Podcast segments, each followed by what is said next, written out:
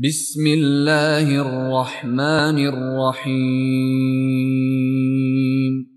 قل لا أملك لنفسي نفعا ولا ضرا إلا ما شاء الله.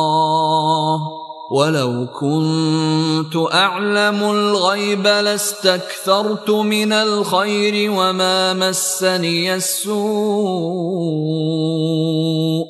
إن أنا إلا نذير وبشير لقوم يؤمنون.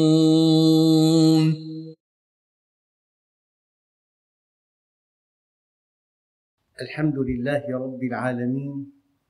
والصلاة والسلام على سيدنا محمد وعلى آله وأصحابه الطيبين الطاهرين أمناء دعوته وقادة ألويته وارض عنا وعنهم يا رب العالمين. اللهم أخرجنا من ظلمات الجهل والوهم إلى أنوار المعرفة والعلم ومن وحول الشهوات إلى جنات القربات.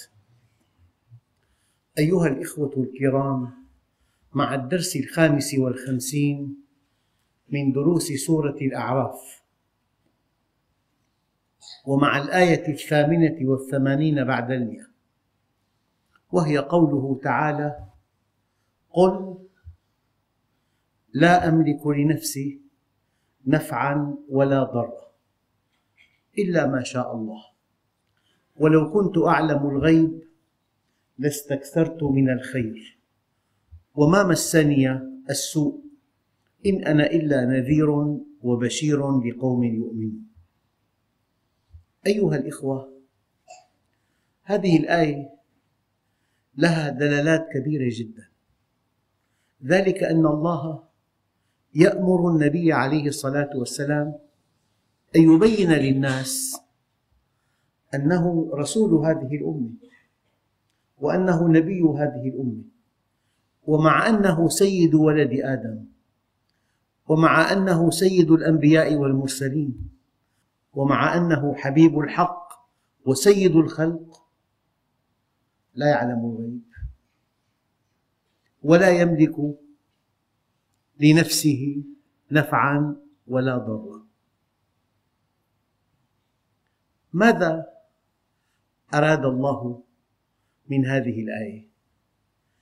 أي إنسان كائنا من كان من آدم إلى يوم القيامة يدعي أنه يملك للآخرين نفعا أو ضرا فهو كاذب. وأي إنسان من آدم إلى يوم القيامة يدعي أنه يعلم الغيب فهو كاذب. هذا مقام النبي عليه الصلاة والسلام. مقام النبي وهو فوق كل المقامات وهو رسول فوق كل الرسل ومع ذلك لا يملك لنفسه نفعا ولا ضرا فلئلا يملك لغيره من باب أولى. وهو لا يعلم الغيب. هل تصدقون أن هذه الآية وحدها يمكن أن تنفي نفيا قاطعا ملايين القصص التي لا أصل لها. هذا الدين دين الله. في مبادئ في هذا القرآن الكريم. أي إنسان يدعي أنه يعلم الغيب؟ أي إنسان يدعي أنه يقدم لك شيئا؟ يستطيع أن ينفعك أو أن يضرك؟ فهو كاذب. هذا أعلى مقام في بني البشر. هناك أخطاء كثيرة جدا يقع بها الناس. يعني مثلا يسأل شخصا يعمل في الحقل الديني. إمام مسجد خطيب مسجد. سؤال يعطيه فتوى. يظن هذا السائل أن هذه الفتوى تعفيه من المسؤولية. ولو علم مقولة النبي عليه الصلاة والسلام في الحديث الصحيح لعل أحدكم ألحن بحجته من الآخر. فإذا قضيت له بشيء فإنما أقضي له بقطعة من النار. لو انتزعت لو كنت في عهد النبي عليه الصلاة والسلام وانتزعت من فمه الشريف فتوى منه وهو المعصوم لصالحك ولم تكن محقا. لا تنجو من عذاب الله. إذا النبي عليه الصلاة والسلام لا يملك لنا نفعا ولا ضرا ولا موتا ولا حياة ولا نشورا لا يملك لنفسه نفعا ولا ضرا. النبي عليه الصلاة والسلام لا يعلم الغيب. قل إني أخاف إن عصيت ربي عذاب يوم عظيم. النبي عليه الصلاة والسلام يخاف أن يقع في خطأ. لا أمثل بهم فيمثل الله بي. ولو كنت نبيا. حينما تعرف ما معنى مقام النبوة والرسالة. مقام الطاعة. مقام الخضوع مقام الاتباع. لا مقام أن للنبي إرادة مستقلة عن إرادة الله.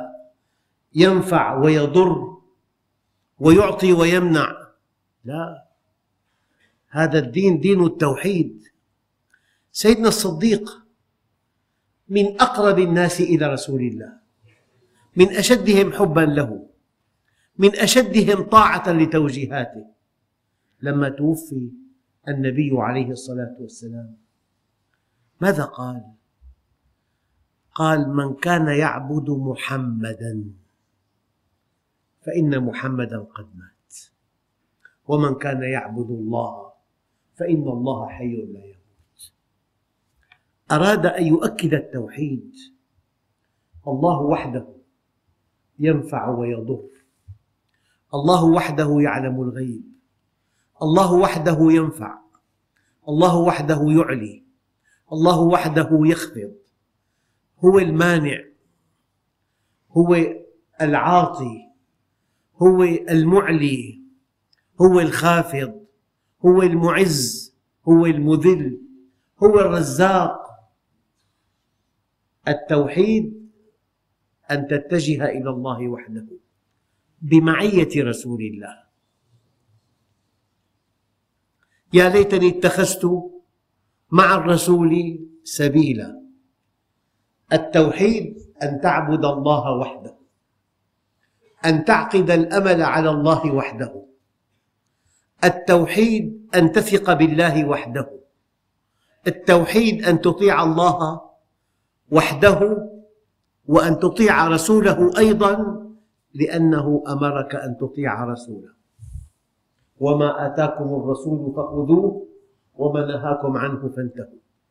التوحيد أن توقن أن طاعة رسول الله هي عين طاعة الله وأن طاعة الله هي عين طاعة رسول الله والله ورسوله أحق أن يرضوه بضمير المفرد. فلذلك آية دقيقة جدا وآية فاصلة. ترد بها مليون قصة. لا أصل لها. مليون شطحة. مليون بدعة. التوحيد ألا ترى مع الله أحدا. التوحيد أن تعلم علم اليقين. أنه وحده هو الرافع. وحده هو الخافض وحده هو المعز وحده هو المذل وحده هو المعطي وحده هو المانع. ولكن لأن النبي عليه الصلاة والسلام معصوم ولأن الله سبحانه وتعالى أمرك أن تطيعه. أطيعوا الله وأطيعوا الرسول استقلالا. أطيعوا الله ورسوله لها معنى. أما أطيعوا الله وأطيعوا الرسول. أي أنك تطيع رسول الله لكن الذي يعطي ويمنع هو الله. والذي يرفع ويخفض هو الله. والذي يعز ويذل هو الله. والذي يحيي ويميت هو الله. قال أحد الخطباء أمام رسول الله ما شاء الله وشئت يا رسول الله. قال بئس الخطيب أنت. جعلتني لله ندا قل ما شاء الله كان وما لم يشأ لم يكن فقط. بئس الخطيب أنت.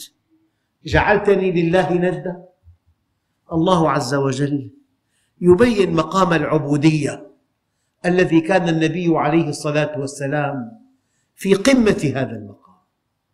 قل لا أملك لنفسي نفعا ولا ضرا إلا ما شاء الله. ولو كنت أعلم الغيب لاستكثرت من الخير. وما مسني السوء إن أنا إلا نذير وبشير لقوم يؤمنون. أنا لا أملك النفع لكم ولا لنفسي. أنا لا, لا أملك الضر لكم ولا لنفسي. ولا أعلم الغيب إلا إذا أعلمني الله هذا الغيب. عالم الغيب والشهادة فلا يظهر على غيبه أحدا إلا من ارتضى من رسول. أحاديث قيام الساعة لا تعني أن النبي يعلم الغيب ولكن تعني أن الله سبحانه وتعالى أعلم نبيه ببعض عالم الغيب. هي عقيدة. هذا هو التوحيد. فلذلك هؤلاء الدجاجلة والمشعوذون والكذابون والذين يسحرون الناس ويسلبون عقولهم ويربطونهم بذواتهم. أساسا ليس هناك على وجه الأرض فرقة ضالة إلا ولها هذه الخصائص. تأليه الأشخاص. الشيخ يعلم الغيب. إذا كان سيد الخلق وحبيب الحق لا يعلم الغيب أن له أن يعلم الغيب. الشيخ ينفع ويضر مستحيل. إذا كان سيد الخلق وحبيب الحق لا يملك لنفسه نفعا ولا ضرا. فلئلا يملك أي إنسان النفع والضر من باب أولى هذه العقيدة. من كان يعبد محمدا فإن محمدا قد مات. أنا لا أتصور أن على وجه الأرض إنسانا. أنا لا أتصور أن على وجه الأرض إنسانا أشد حبا لرسول الله من الصديق. ومع ذلك الصديق موحد. من كان يعبد محمدا فإن محمدا قد مات. ومن كان يعبد الله فإن الله حي لا يموت. هذا التوحيد بيلغي دور المشعوذين والدجاجلة والمتسكعين الذين يبتزون أموال الناس بالباطل فضلا عن السحرة والمنجمين وما إلى ذلك. أنت مؤمن الله وحده يعلم الله وحده قادر وأنت ذائب في محبة رسول الله. أحبه ما شئت قدره ما شئت تمثل أخلاقه ما شئت بالغ في محبته ما شئت. الباب مفتوح هنا. أما أن تعتقد أنه له إرادة مستقلة عن إرادة الله ينفع ويضر مستحيل. قل لا أملك لنفسي. نفعا ولا ضرا. طبعا من باب أولى فلأن لا أملك لكم نفعا ولا ضرا من باب أولى. يعني أيام مثلا للتوضيح بيقول لي أرجوك أن تؤمن لي عمل لابني. قل له هلأ لديك فرصة عمل لابني أنا. إذا كنت لا أملك أنا لنفسي أن أؤمن عمل لابني.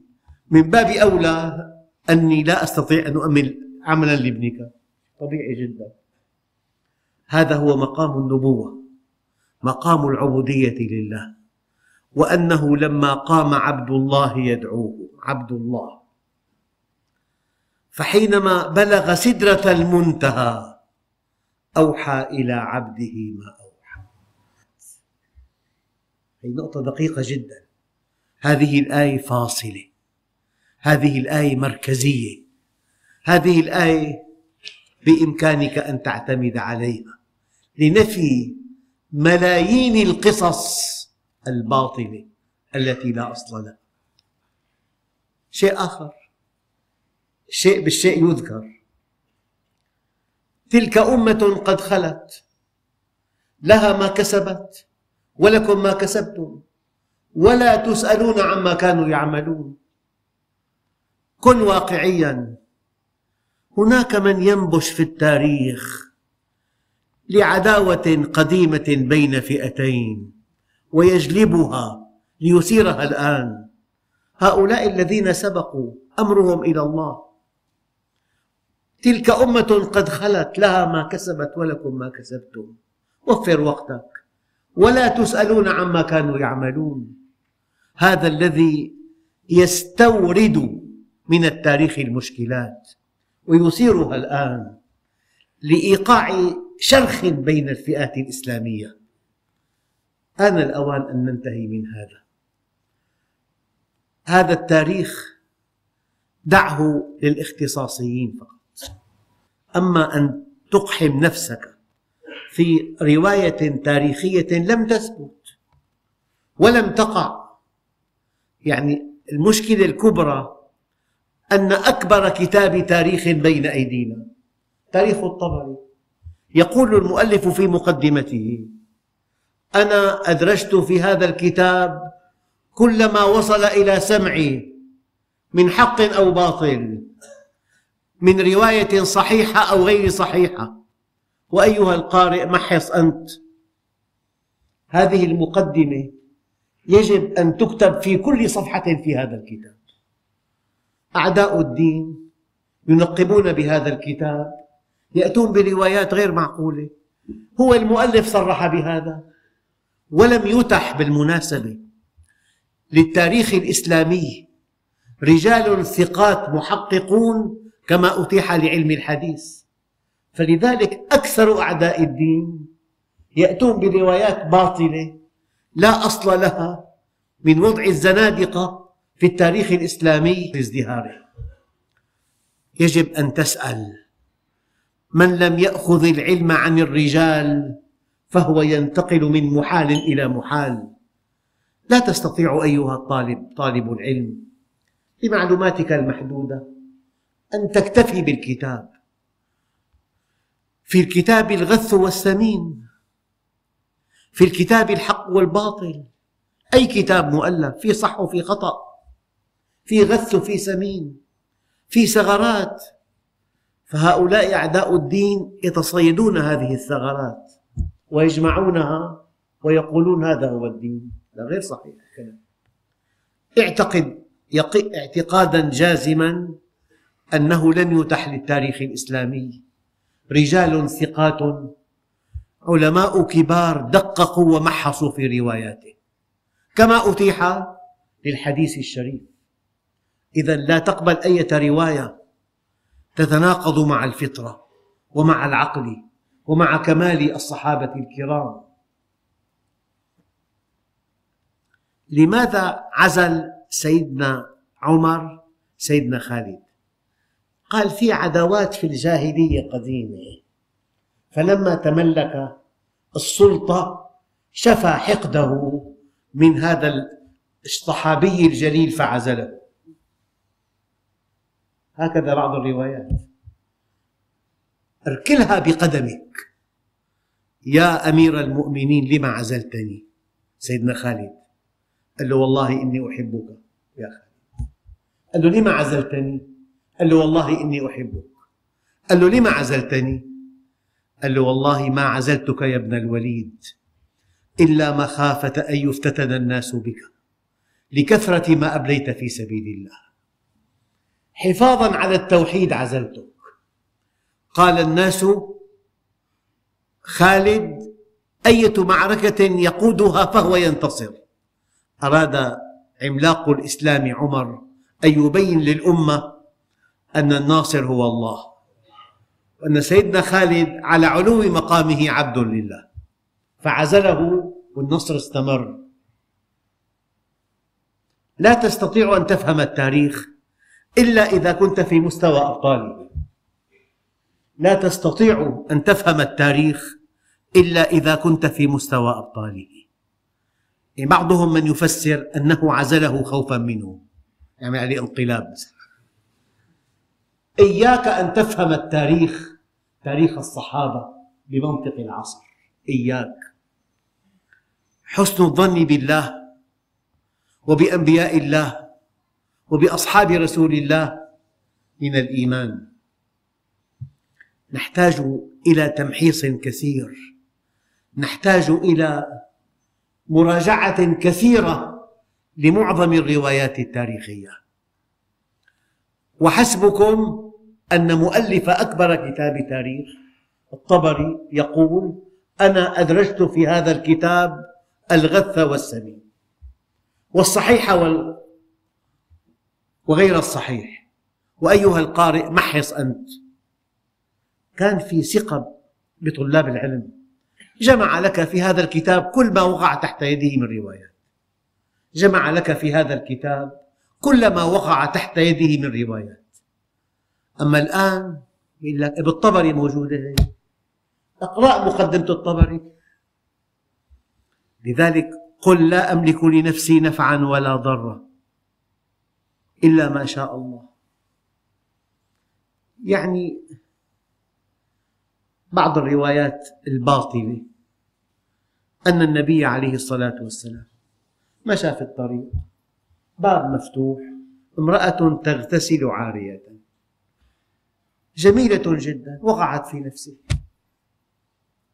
فأمر الله زوجها أن يطلقها. ويا محمد تزوجها. هذه أخلاق أنبياء هي؟ قصة من وضع الزنادقة لا أصل لها. والله يا أخوان والله في آلاف القصص. لا أصل لها إطلاقا من وضع الزنادقة. والإنسان حينما يكتفي بالنقل من دون من دون تدقيق من دون تمحيص من دون بحث من دون درس من دون أن تأخذ العلم على يد علماء كبار أن تكتفي بالكتاب بالكتاب في في الغث والثمين. يعني أيضا ورد في بعض الكتب أن امرأة وضيئة حسناء صلت بين الصحابة فصلى بعضهم وراءها ليرى محاسنها أثناء ركوعها وسجودها. وبعضهم صلى أمامها فنزل قوله تعالى ولقد علمنا المستقدمين منكم ولقد علمنا المستأخرين. هي أخلاق صحابة هل يجوز أن تصلي امرأة بين الصحابة؟ إذا صلت امرأة في صف فالصلاة باطلة. ممنوع أن تحاذي امرأة في الصلاة. فكيف أن تصلي وراءها؟ وصفوف النساء في آخر المسجد دائما.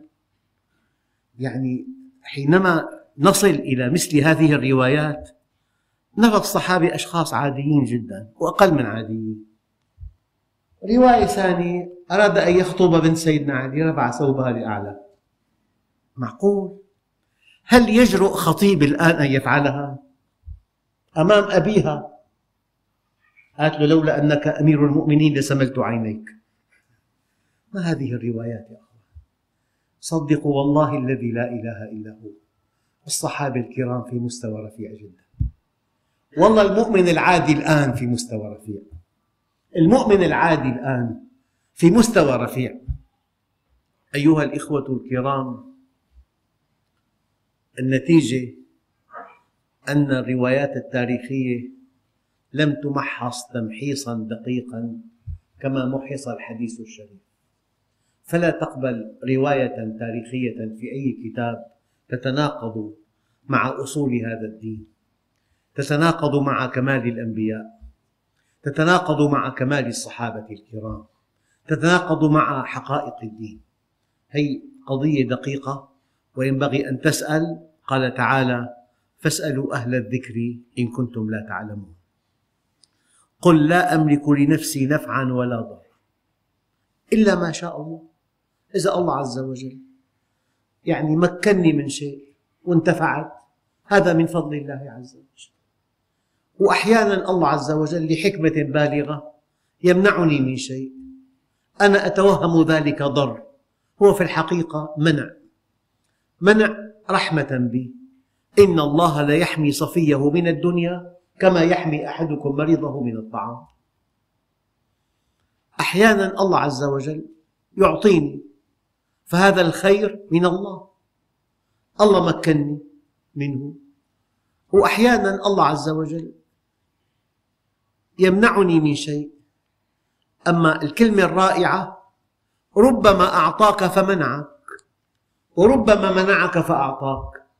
وإذا كشف لك الحكمة في المنع عاد المنع عين العطاء. فالمؤمن كما قال عليه الصلاة والسلام عجبت لأمر المؤمن. إن أمره كله خير.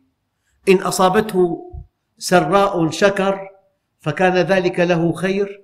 وإن أصابته ضراء صبر فكان ذلك له خير وليس ذلك لغير المؤمن. قل لا أملك لنفسي نفعا ولا ضرا إلا ما شاء الله لي من خير. أو ما اقتضت حكمته من ضر. وهذا الضر في ظاهره ضر. أما هو نعمة باطنة. نعمة باطنة من نعم الله عز وجل. عطاؤه نعمة وأخذه نعمة. إلا ما شاء الله. ولو كنت أعلم الغيب لاستكثرت من الخير. يعني مثلا بيقول لك عرضوا علي أرض خمسة عشرين دنم خمسة عشرين ألف ليرة. اليوم حق الدنم خمس ملايين. لو أن هذا الذي عرض عليه الأرض يعلم الغيب بوافع على شراء رأسه. لا أحد يعلم الغيب. التجار لهم كلمة لطيفة يقول لك تاجر ومنجم ما في. لو أنك تعلم ما سيكون بعد حين. اللي اشترى فرضا بمئة مليون حديد على التسعة وستين على أمل أن يبيعه بمئة ألف اليوم بستة عشرين حديد. لو كان يعلم الغيب ما فعل هذا. خسر أربعة أخماس ماله. ولو كنت أعلم الغيب لاستكثرت من الخير. وما مسني السوء؟ أنه إنسان بيموت أثناء السفر ما بيسافر. يعني للتعبير عن حقيقة التوحيد. يروى أن فرعون رأى أن طفلا من بني إسرائيل سيقضي على ملكه. فأمر بقتل أبناء بني إسرائيل جميعا. يذبح أبناءهم ويستحيي نساءهم. أما الطفل الذي سيقضي على ملكه رباه في قصره. أنت تريد وأنا أريد. والله يفعل ما يريد. ولو كنت أعلم الغيب لاستكثرت من الخير. وما مسني السوء؟ إن أنا إلا نذير وبشير لقوم يؤمنون. الآن الله عز وجل حدد لك مهمة النبي نذير وبشير فقط. إنك لا تهدي من أحببت. الإنسان مخير. ليس عليك هداهم. لست مسؤولا إن لم يؤمنوا. كما أنك لا تستطيع أن تهديهم. ليس عليك هداهم. أي أنت لست مسؤولا إن لم يهتدوا وإنك لا تهدي من أحببت. أنت لا تستطيع هداية عمك. قل يا عم لا إله إلا الله. أبدا. ما قالها إنك لا تهدي من أحببت. تبت يدا أبي لهب وتب. عمه. ليس عليك هداهم. وإنك لتهدي إلى صراط مستقيم. وإنك لتهدي إلى صراط مستقيم. أيها الإخوة إن أنا إلا نذير وبشير. يعني ما من قضية مهما دقت تقربكم من الله إلا بينتها لكم. وما من قضية مهما دقت تبعدكم عن الله إلا بينتها لكم. هذه مهمتي. أما في قضايا في ملايين ملايين القضايا. لا تقرب ولا تبعد. يعني هل يعقل أن يعرف النبي الجهاز الهضمي للضفدع مثلا؟ ما له علاقة فيها. هناك من يظن علم مطلق. العلم المطلق علم الله عز وجل. أما النبي الكريم أية جزئية مهما دقت تقرب من الله يبينها. أية جزئية مهما دقت تبعد عن الله يبينها إن أنا إلا نذير وبشير لكن لمن؟ لقوم يؤمنون. ذلك الكتاب لا ريب فيه هدى للمتقين لمن أراد الإيمان. أما الذي لم يرد الإيمان لا يصغي إلى أقوال النبي الكريم. لقد كان لكم في رسول الله أسوة حسنة لمن كان يرجو الله واليوم الآخر. يعني إنسان ما له علاقة بالعلم إطلاقا ولا طلب العلم ولا قرأ ولا كتب. لو وقف أمام مكتبة هل تعنيه الكتب؟ إطلاقا. لا يقف أمامها أصلا. لكن طالب دكتوراه مر أمام مكتبة فيها كتب متعلقة باختصاصه يقف. يدخل كتاب الفلاني كتاب الفلاني. لا ينتفع من سنة النبي إلا من أراد الآخرة. إلا من أراد الآخرة.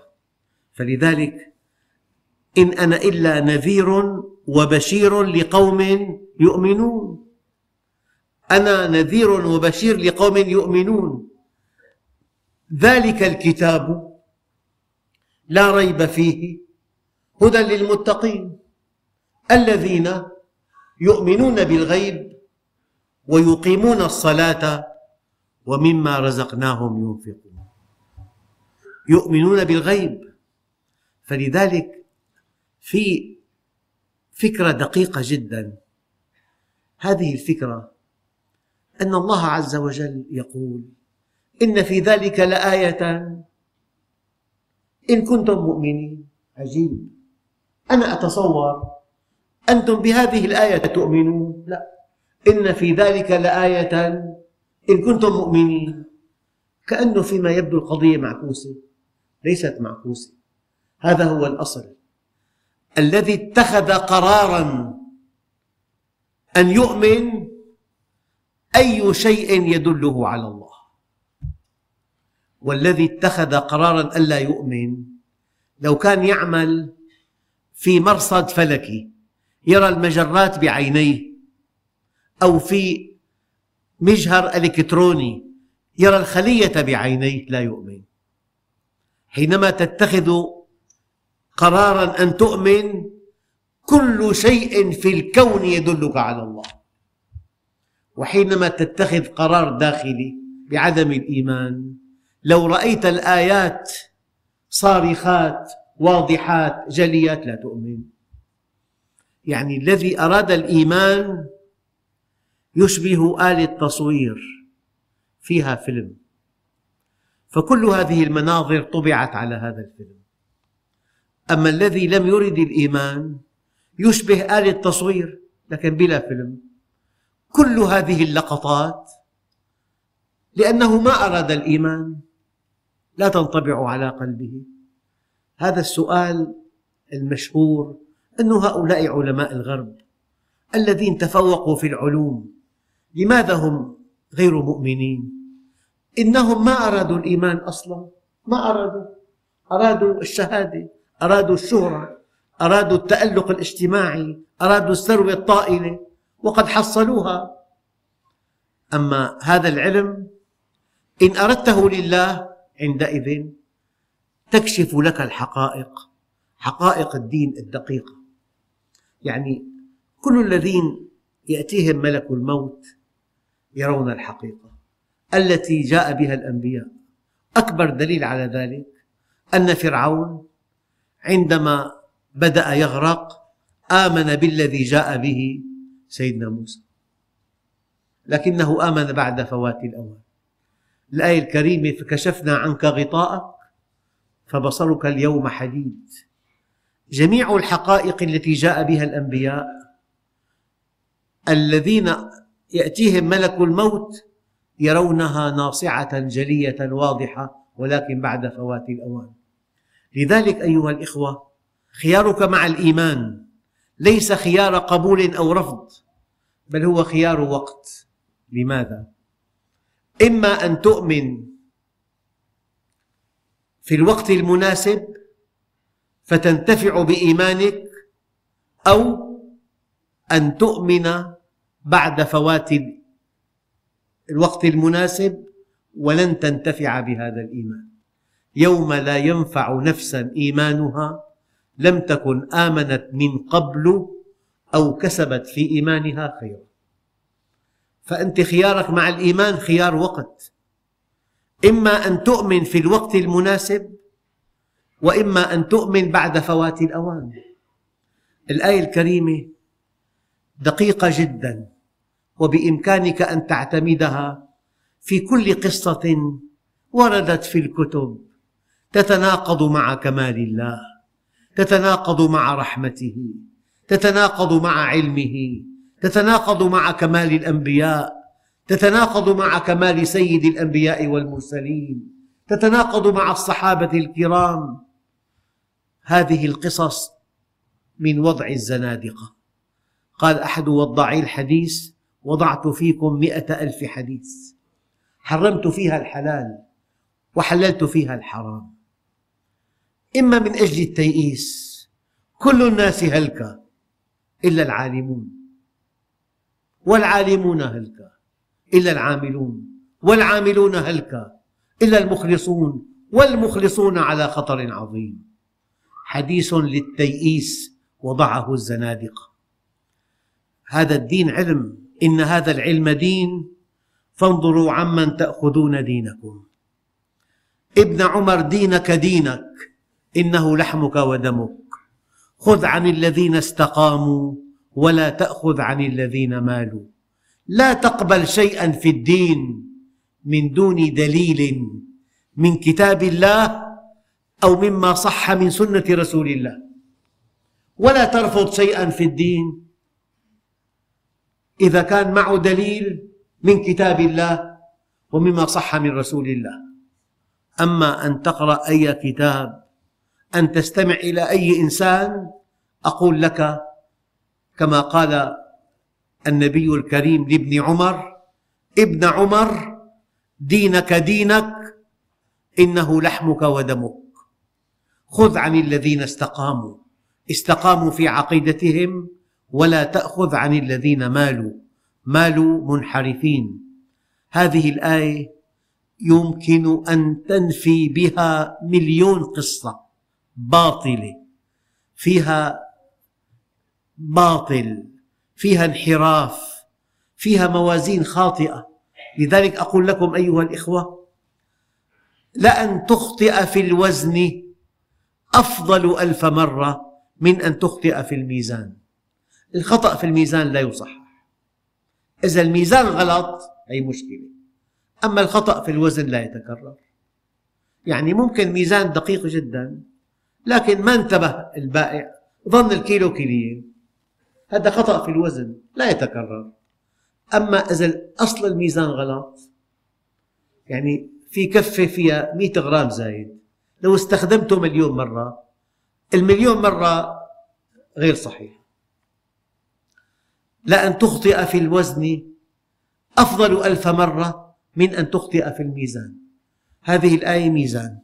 أي إنسان على وجه الأرض كائنا من كان مهما لمع نجمه. إذا أوهمك أنه يعلم الغيب قل له أنت كذاب أشر. لأن هذا لم, يصل لم ينله رسول الله. قل لا أعلم الغيب. ولو كنت أعلم الغيب لاستكثرت من الخير. أي إنسان يقول لك أنا أملك أن أنفعك أو أن أضرك قل له كذبت. الذي يملك النفع والضر هو الله. الذي يملك الموت والحياة هو الله. الذي يملك الرزق هو الله. هذه الآية أصل في التوحيد. وما تعلمت العبيد أفضل من التوحيد. هذه الآية يمكن أن تكون آية مركزية. أي فاصلة. أي يمكن أن تنفي بها مليون قصة. والآية التي ذكرتها من باب الشيء بالشيء يذكر. تلك أمة لها ما كسبت ولكم ما كسبتم. ولا تسألون عما كانوا يعملون. أي رواية تاريخية لقوم مضوا وقعت أو لم تقع ليس هذا من شأني. أنا معي كتاب معي منهج معي منهج تفصيلي. علي أن أعرف الله وأن أتبع هذا المنهج وانتهى الأمر. لا تقحم قضية تاريخية تستوردها من التاريخ وتسهم في شق صفوف المسلمين. التاريخ دعه لخبرائه. تلك أمة قد خلت. لها ما كسبت ولكم ما كسبتم. ولا تسألون عما كانوا يعملون. إيه، هناك من المسلمين من يحرص على الغوص في أعماق التاريخ ليقرأه قراءة مغلوطة حتى يقيم شرخا في العالم الإسلامي. هذا خطأ كبير.